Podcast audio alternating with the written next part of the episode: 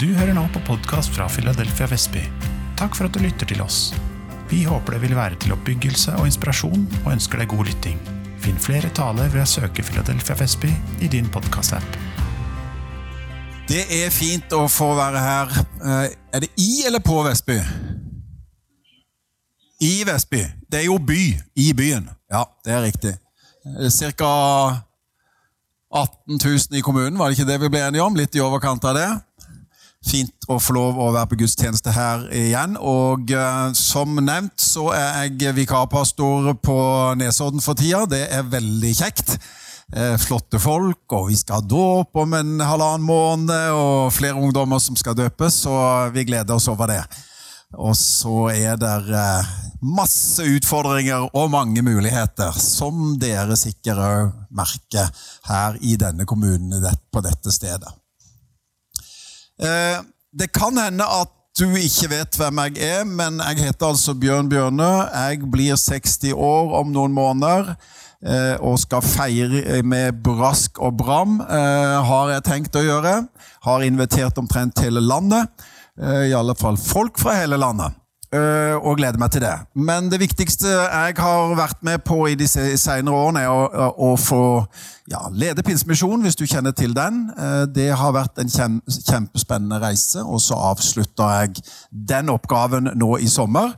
Og så får jeg lov å være student på heltid, og jeg får lov å være pastor på halvtid.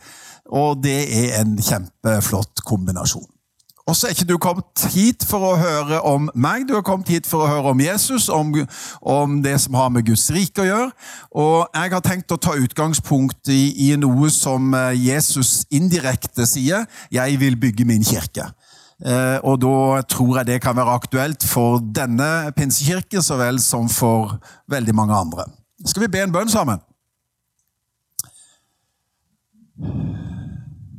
Takk, Jesus, for at vi får erfare at når vi kommer til et hus som dette, et gudshus som dette, så går vi inn i et fellesskap med hverandre, og så er vi i et fellesskap med deg. Takk at det aldri av og på med kontakten med deg, Jesus Kristus. Den er alltid like sterk og like nær, uavhengig av hvordan vi opplever og føler det. Og så er det godt å kjenne ditt nærvær, og så er det godt å kjenne fellesskap med troende. Takk for eh, det flerkulturelle uttrykk som finnes i denne kirka. La det lykkes, la det vokse. La det bli til ære for ditt navn. I Jesu navn. Amen. Det er fristende for meg å si noe om flerkulturelle kirker, for det holder jeg på å skrive masteroppgave om, eh, blant annet, men eh, det skal jeg prøve å la ligge nå. Men jeg bare heier på Pavel og dere som jobber med det her. Eh, Gud, eh, no, Noen sier Gud er fargeblind. Det er han slettes ikke. Eh, han elsker alle slags farger. Så mange farger som mulig. Så er det jo sagt. Denne teksten er ikke ukjent for deg som går i kirke eh, og har- vært på noen gudstjenester og hørt noen taler, men det er den jeg vil ta utgangspunkt i. Eh, Der det står eh, i Matteus 16, og vi leser fra litt mer enn 18. Det er vel fra vers 15, tror jeg. Beklager at det er litt feil tekster nederst. Men der står det Da svarte Simon Peter, du er Messias, den levende Guds sønn. Jesus tok til orde og sa, Salig er du, Simon, sønn av Jonah. For dette har ikke kjøtt og blod åpenbart deg, men min far i himmelen. Og jeg sier deg, du er Peter, og på denne klippen vil jeg bygge min kirke, og dødsrikets porter skal ikke få makt over den. Jeg vil gi deg himmelrikets nøkler. Det du binder på jorden, skal være bundet i himmelen. Smak på den. Og det du løser på jorden, skal være løst i himmelen. Det er et fascinerende avsnitt. Du kjenner sikkert sammenhengen, og jeg skal ikke gå inn på akkurat det. Jeg vil prøve å holde meg til denne teksten. Nå vet jeg ikke om det er noen her med eh, katolsk bakgrunn. Eh, Er det polakker her, så er det stor sjanse for at det er noen med katolsk bakgrunn på en eller annen måte. Og for den som er katolikk, så er Peter denne klippen som kirken er bygd på. I alle fall sånn teologisk sett. Eh, ja, at Peter var viktig, det er det ingen tvil om, men han er nok ikke den klippen det står om her. Det skal vi komme litt inn på, og litt nærmere inn på. Men han fikk en viktig rolle, og det er viktig å påpeke. Og så er det jo sånn at det er ikke bare Peter eller Paulus eller Johannes som har fått et oppdrag eller en rolle. Vi som er her, er invitert inn i dette store oppdraget. Jeg liker å kalle det oppdrag mer enn en misjonsbefaling. Eh, jeg kunne sagt mer om det, men det skal jeg jo la ligge. Du vet at eh, når Jesus sier 'på denne klippen vil jeg bygge min kirke', så handler det ikke om Peter eller hans forståelse av hvem Jesus er. Nei, det handler om bekjennelsen. Den bekjennelsen Peter kom med, det er det som er klippen som eh, Jesus bygger eh, sin kirke på. Der Peter sier 'Du er Messias, den levende Guds sønn', som vi leste innledningsvis her. Det er det som er klippen, det er det som er grunnvollen. Det er så godt å vite at denne kirka lokalt og den store globale kirka bygger på en solid plattform, og den plattformen er Jesus Kristus. Herrenes herre, kongenes konge. Eh, det er bra at vi er aktive, det er mye vi kan gjøre, men det er grunnvollen som avgjør hvordan bygget kommer til å se ut etter hvert som vi bygger. Vi må ha en solid grunn å stå på. Jesus vet hva han holder på med. Av og til så lurer vi på det. Jeg vet ikke om du er en av de som i dine bønner spør Gud har du peiling på hva du holder på med akkurat nå. Eller kanskje diskutere litt med vår Herre. Bare sånn at det er nevnt. Han tåler din diskusjon og din innvending. Men du taper alle de diskusjonene, det kan jeg garantere, og det er bra. Eh, men han tåler godt en diskusjon. Eh, det kan du finne mange steder i både Gamle og Nye testamentet. Men det er lurt å høre på han, for han vet hva han kan, og han vet hva han vil. Og hans planer er gode. Eh, Jesus bryr seg jo ikke bare om pinsekirken her i Vestby. Det er du sikkert klar over. Han bryr seg om sin kirke, og Det innebærer alle de som er kommet til tro på Jesus Kristus på en eller annen måte i hvert eneste nabolag i denne kommunen og hvert, e, i hver eneste kirke der det møtes folk. Og så er det folk som ikke greier å komme seg til kirke, men allikevel har sin gudstjeneste hjemme hos seg sjøl fordi de kommer seg kanskje ikke av gårde til en kirke. Han bygger sin kirke. Det kan du være trygg på og du er en del av den kirka. Jeg vet ikke om vi har noen bygningsfolk her. Johannes er jo bygningsmann. Det er jo helt riktig. Det sa du jo til meg her for en liten, eller en uke eller halvannen siden vi hadde en nydelig frokost i lag. Det var hyggelig. Ja, hva slags bygg er det du har bygd? Har du vært med på, på disse store nå, det nye Munch-museet og sånt? Ja, du, du, liker det litt mindre format. Ja, ok. ok. Ja, Men det er kjekt, det òg. Ja. Eh, når du begynner å bygge, så fins det sikkert mange måter å gjøre det på, men vi har snakka om grunnvollen. Den er ikke så dum eh, å ha. Altså grunnarbeid, altså grunnvollen. Men så er det jo en god idé når du skal begynne å bygge, at du har på en måte en tegning. Sant? Nå går det an å tegne sjøl. Eh, noen er flinke til å tegne og bygd, eh, greier å få bygd et hus etter de tegningene de sjøl har tegnet, og det, det funker. Eh, noen burde absolutt aldri ha tegnet en eneste tegning. De burde overlatt det til en arkitekt, så det ble sånn som det burde bli. Ikke bare utseendemessig, men konstruksjonsmessig. Hvor vil jeg? Jo, jeg vil dit hen at du skal være klar over at Jesus har et kjempeklart bilde hva han ønsker å bygge i Vestby. Du trenger ikke være i tvil et sekund. Og en annen ting som det er viktig at du er klar over, det bygget er vakkert.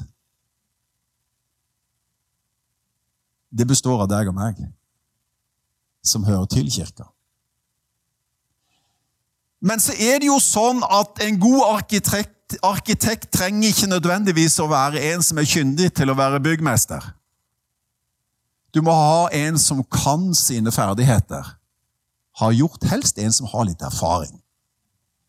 Ja da, det er bra med lærlinger, de må få begynne, men det er jo kjempekjekt å ha en erfaren byggmester. Jeg vet ikke om dere ser på TV, det gjør dere helt sikkert ikke. Dere ser helt sikkert ikke på disse oppussingsprogrammene, men det hender at jeg dukker innom de programmene. Og når du ser fagfolk som kan, kan yrket sitt, det er snadder. Det er så nydelig!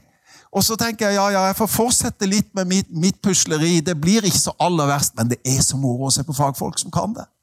Kan ikke du bare si et lite halleluja til det? Ja, ok, det, det kan vente med det til du kommer hjem. Det er helt greit, det. Du må ikke si det her. Jesus er fagmann når han bygger kirke. Han har holdt på lenge. Snart 2000 år har han holdt på å bygge på sin kirke. Han vet hva han holder på med. Og han vet hvordan han skal bygge.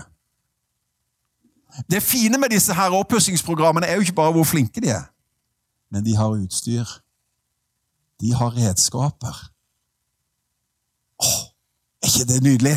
Når du har både folk som kan yrket sitt, og har nødvendige redskaper og vet hvor du skal bruke det. Det fins jo noen som ikke vet forskjell på en sag og en hammer. Det er jo ikke så mange, men det fins. Eh, kanskje den var litt svak, men det fins andre verktøy. Som eh, f.eks. den der som dere sikkert har hørt, dere som er gamle, doble fustasjeopphengsforkoblinger. Eh, smak på den en liten stund og se om du finner ut av det. Det fins verktøy som ikke vi kjenner navnet på, men de fungerer for den som vet hvordan de skal bruke det. Og Jesus vet akkurat hvilket redskap han skal bruke til enhver tid.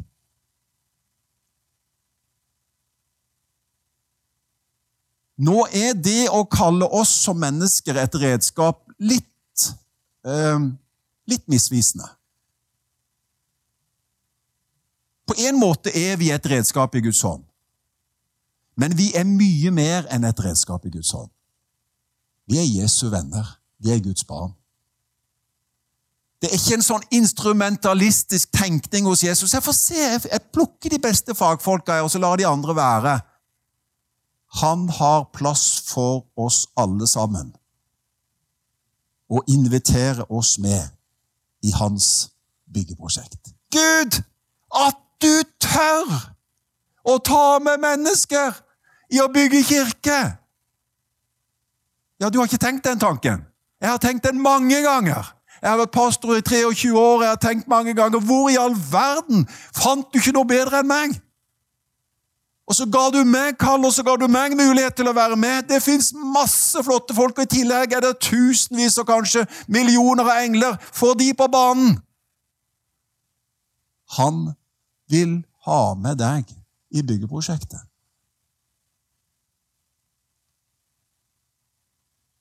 Sist søndag så talte jeg på Nesodden om å være medarbeider.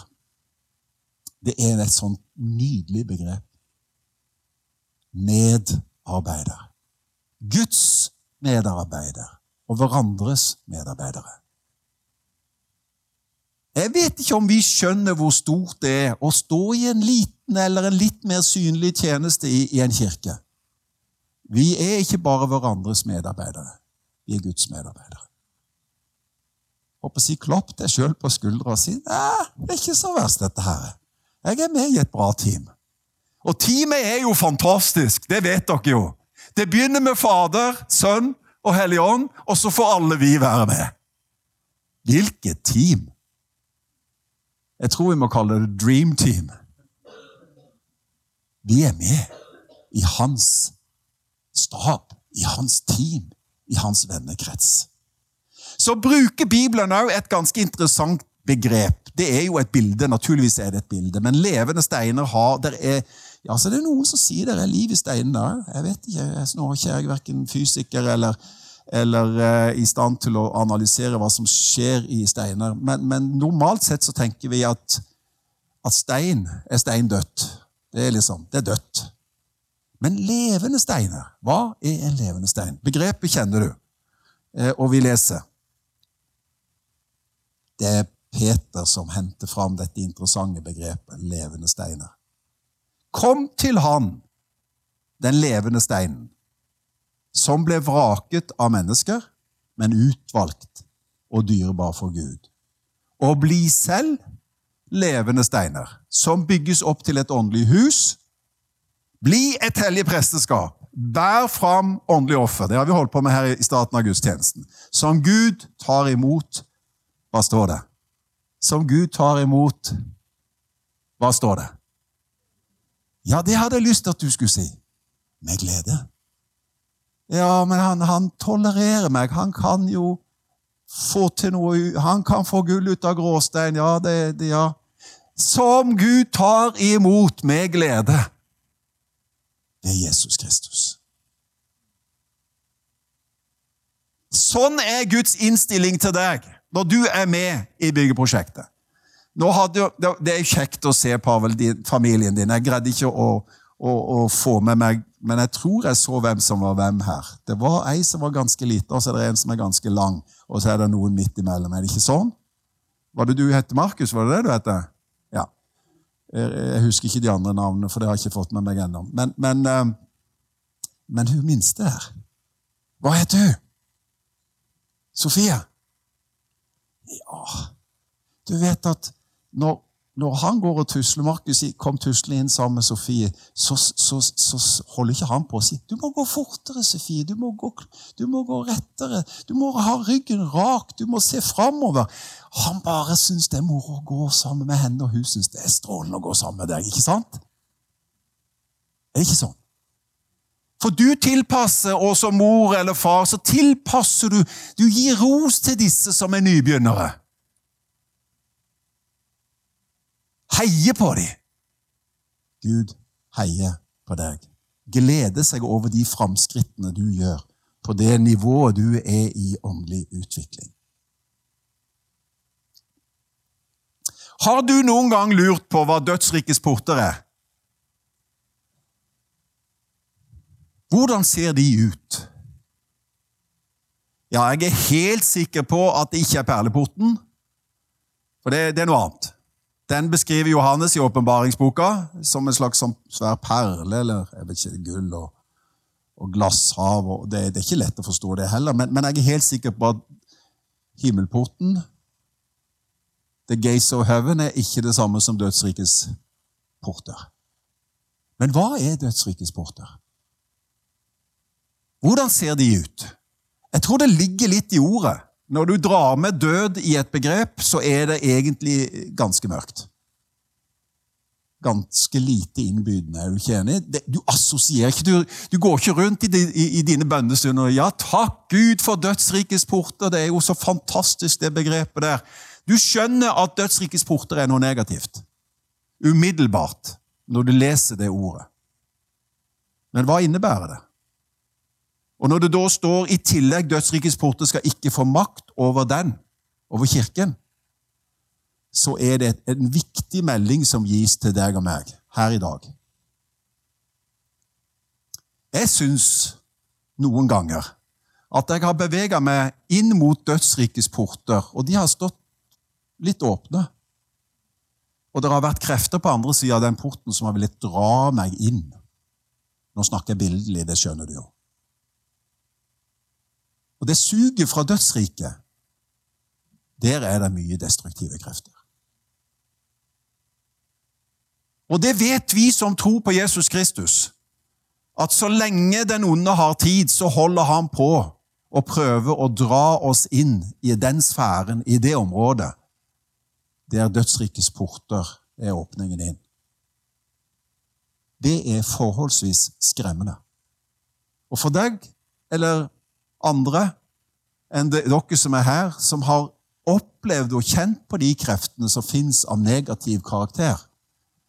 Det kan være angst, det kan være depresjon, det kan være mange forskjellige ting vi møter i livet. Så vet vi at det er utrolig krevende å forholde seg til. Da er det viktig å huske det som står. Dødsrikets porter skal ikke få makt over Kirken, og den skal heller ikke få makt over deg. Så selv om du kjenner på og har kjent på de negative kreftene, denne her negative tyngdekraften som drar deg ned der problemene står i kø, der utfordringene er der til enhver tid, der du kjenner det er motgang i bøtter og spann, skal ikke få lov til å få fred en gang i livet. Det er nok nå. Det er ikke sikkert du har tenkt sånne tanker, men jeg har møtt mange mennesker som sier nok er nok. Hvorfor skal den onde få lov å herje med livet mitt, med familien min, med kirka mi, med folket i nabolaget mitt? Og Da er det jo sånn Nå snakker jeg ganske åpent, for jeg har slutta å legge på de store filtrene. Nå har jeg bare små filtre igjen. Så er det jo sånn for alle som tror at tvilen dukker opp og skaper mye uro i sinn og hjerte. Hva gjør vi da? Vi lener oss mot troen. Vi smaker på tvilen, men vi bygger på troen. Og blir der på den grunnvollen. Troen på at Jesus Kristus er en god, solid grunnvoll. Og hvor store og hvor breie dødsrikets porter måtte være, hvor mye tyngdekraft er inn gjennom de dørene, så er det ikke kraft til å rive deg og meg ut av Guds hånd. For den plattformen, det stedet, nært hans hjerte, der er det ingen destruktive krefter som kan få overtaket. Nå kan du si amen hvis du har lyst.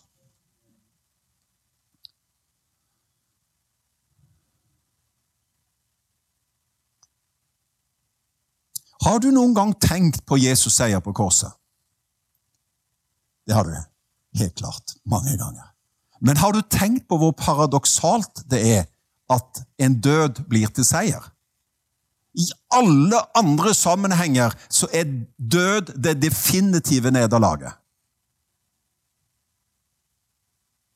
Fascinerende, Gud i himmelen, at du tenkte den tanken. Jesus, at du gikk den veien.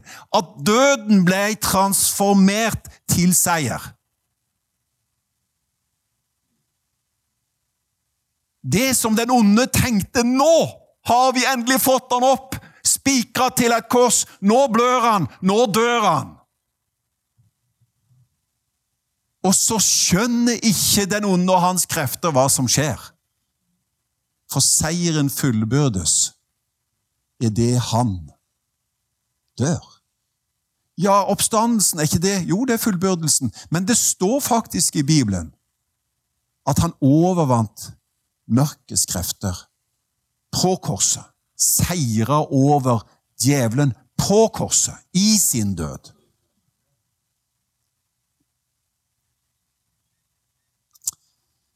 Jeg trenger ikke å være tankeleser for å vite at noen i denne salen har tøffe tak. Prosentvis er det ganske mange av oss i denne salen som har tøffe tak. Dette er ikke en profetisk hilsen. Det er ren matematikk. Vi er alle i den situasjonen mer eller mindre gjennom livet, før eller siden, der de negative, nedbrytende kreftene tar tak. Og det kjennes som at bygningen revner, og grunnvollen ikke holder. Da er mitt budskap til deg det holder, det du tror på. Grunnvollen kommer aldri til å svikte. Og Jesus sier, 'Ingen kan rive dem ut av min hånd.'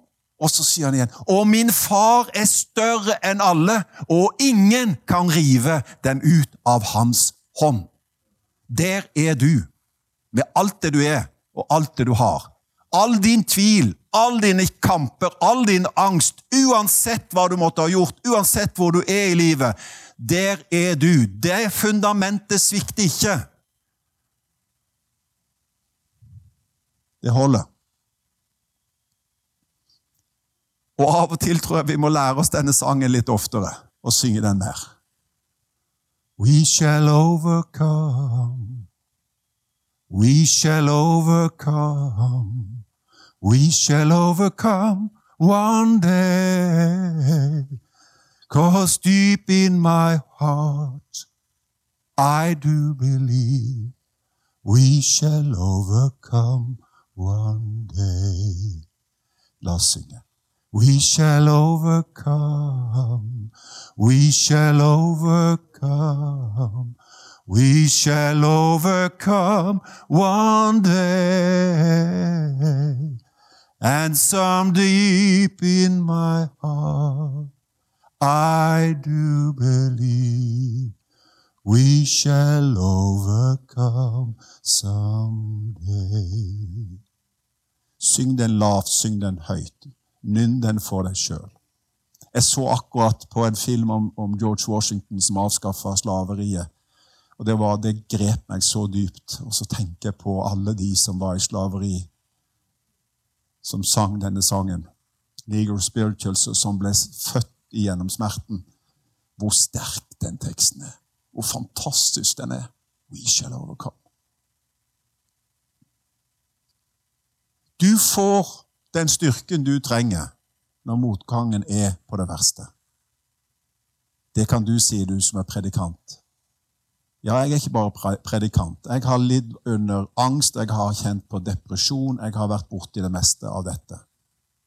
Og jeg har tvilt mange ganger. Men jeg kan vitne til deg. Jeg er snart 60 år, det holder. Og jeg tror det skal holde helt ut. Hans seier er vår seier. Og husk, at Jesus har siste ordet. Derfor har han kontrollen.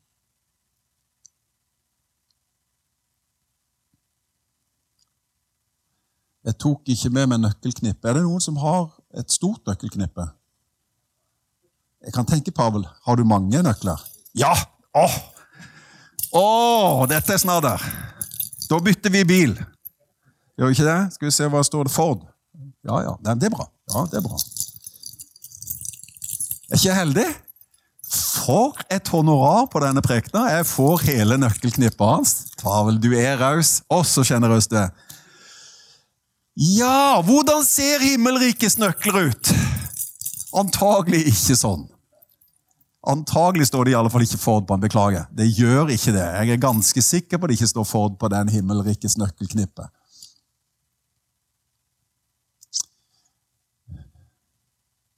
Men det er et utrolig flott løfte.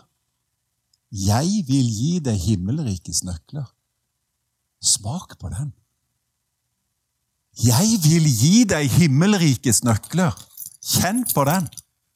Hva betyr det? Nå har vi vært borti dødsrikets porter, men sannelig, dette, er, dette begynner å bli moro. Himmelrikets nøkler. Hva er det? Vi er jo i en annen sfære enn det Jesus er, men jeg tror han har en universalnøkkel. Nå er det jo kortlesere og jeg vet ikke hva, det er øyeskanning og, og, alt mulig som foregår for at folk skal komme seg inn og ut av dørene. Eh, men det er jo det er ikke det jeg ønsker. Å, men jeg, jeg ønsker at du skal bli litt oppmerksom på den universalnøkkelen. For Jesus springer ikke rundt med et nøkkelknippe med noen millioner eller milliarder nøkler på. Han har en nøkkel som går inn i alle låser og kan åpne alle dører. Det er hans nøkkel. Universalnøkkelen kan jeg garantere deg, han kommer aldri til å gi den ifra seg. Takk skal du ha for rausheten. Eh, du har fått det tilbake nå. Alt, Jeg håper det blir velsigna i tillegg. Eh, nok om det. Han gir ikke fra seg universalnøkkelen. Men du kan få nøkler som passer til de dørene som er låst i ditt liv. Eller hos noen som du er glad i. Jeg vil gi deg himmelrikets nøkler. Jeg skulle ønske jeg bare fikk en sånn fra hele salen. Ja! Kan jeg få den? Nå! Jeg trenger den! For det er mange av oss som leter etter åpning. Enten døra Kan du hjelpe meg litt? Den døra der, den er låst, ikke sant? For den er igjen. Kan du sjekke? Ja, for det er jo ikke lov å låse døra Hæ! Han er åpen! En gang til! La de få se lyset. Helt opp. Wow! Hva skulle til? Du trengte ikke engang en nøkkel. Du bare dro ned klinka.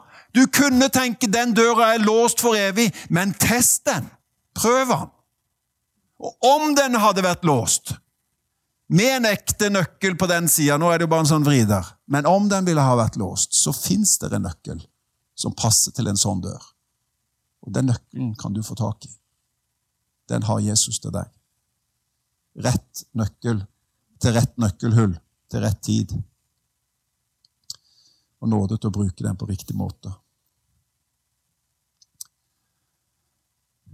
Jeg vil avslutte med dette til deg.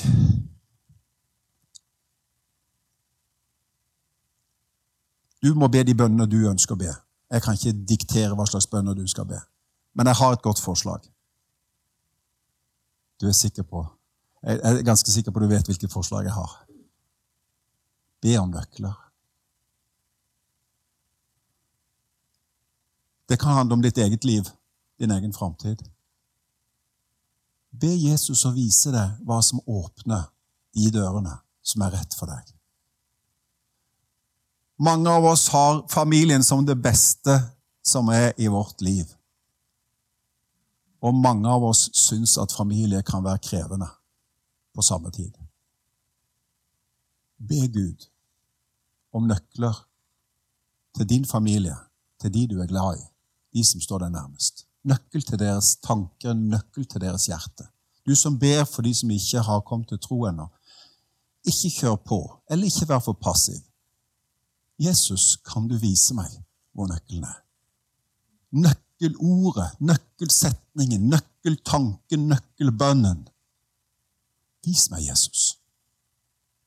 Naboene dine, enten de er de beste naboene som finnes, eller de mest kranglete som finnes, om kollegaene dine er gull, eller om de er gråstein, det aner ikke jeg. Vennene dine er helt, helt sikkert ikke gråstein, for venner, det velger vi. Familie må vi ta som det er, og kollegaer må vi i stor grad ta som de kommer.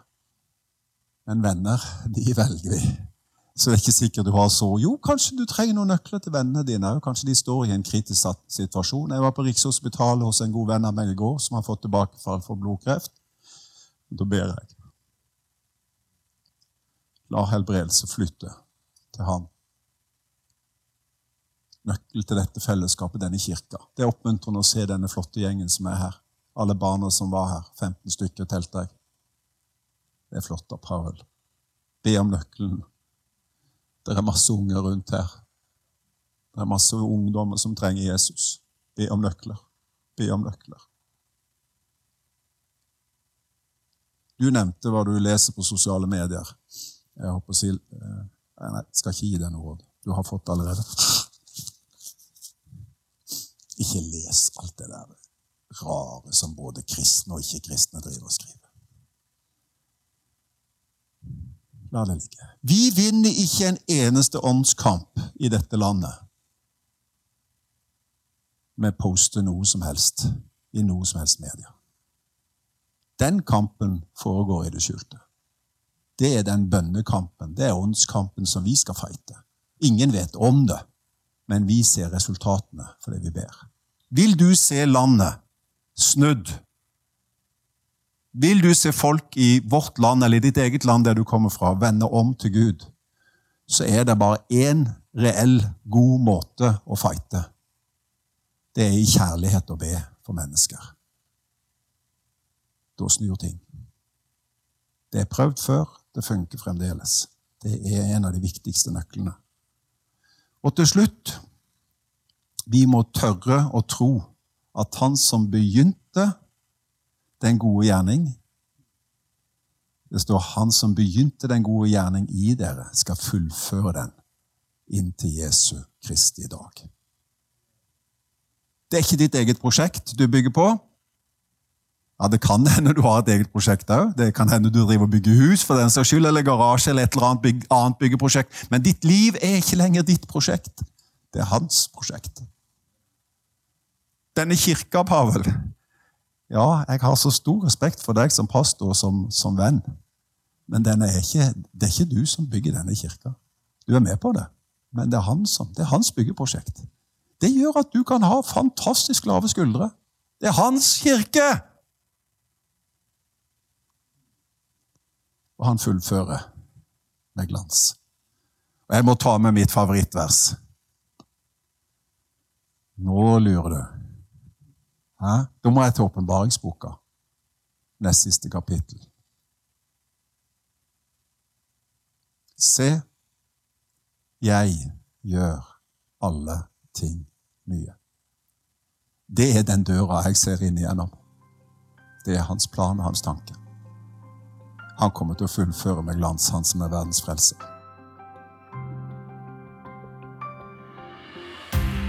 Er du nysgjerrig på Jesus og lurer på å bli med i en menighet, men vet ikke hvor du skal begynne?